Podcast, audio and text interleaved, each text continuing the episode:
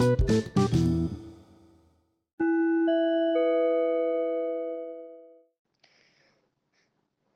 ini kita akan membacakan dongeng sebelum tidur yang berjudul Seikat Ranting.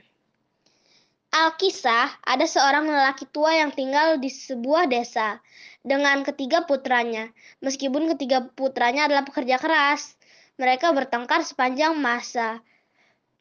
Orang tua itu mencoba menyatukan mereka, tapi tetapi gagal. Berbulan-bulan berlalu, dan lelaki tua itu jatuh sakit. Dia meminta putra-putranya untuk tetap bersatu, tetapi mereka gagal mendengarkannya. Pada saat itu, lelaki tua itu memutuskan untuk memberi mereka pelajaran untuk melupakan perbedaan mereka dan bersatu dalam kesatuan.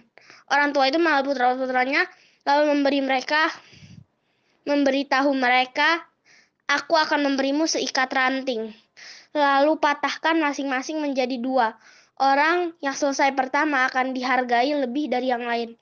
Maka putra putra setuju. Para putra setuju. Orang tua itu memberi mereka seikat seik, mereka seikat sepuluh batang masing-masing dan kemudian meminta para putra untuk mematahkan setiap ranting menjadi berkeping-keping. Putra-putra itu mematahkan ranting dalam beberapa menit. Lalu menunjukkan pertengkaran di antara mereka sendiri. Orang tua itu berkata, "Anak-anak yang terkasih, Permainan belum berakhir. Sekarang saya akan memberi Anda seikat ranting lagi. Hanya saja kali ini Anda harus memecahnya dalam satu ikatan, bukan secara terpisah.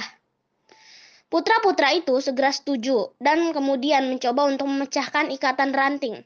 Itu meskipun mencoba yang terbaik, mereka tidak akan mematahkan ranting-ranting itu. Anak-anak itu memberitahu mereka tentang kegagalan mereka. Dan pesan moralnya adalah ada kekuatan dalam persatuan. Tamat.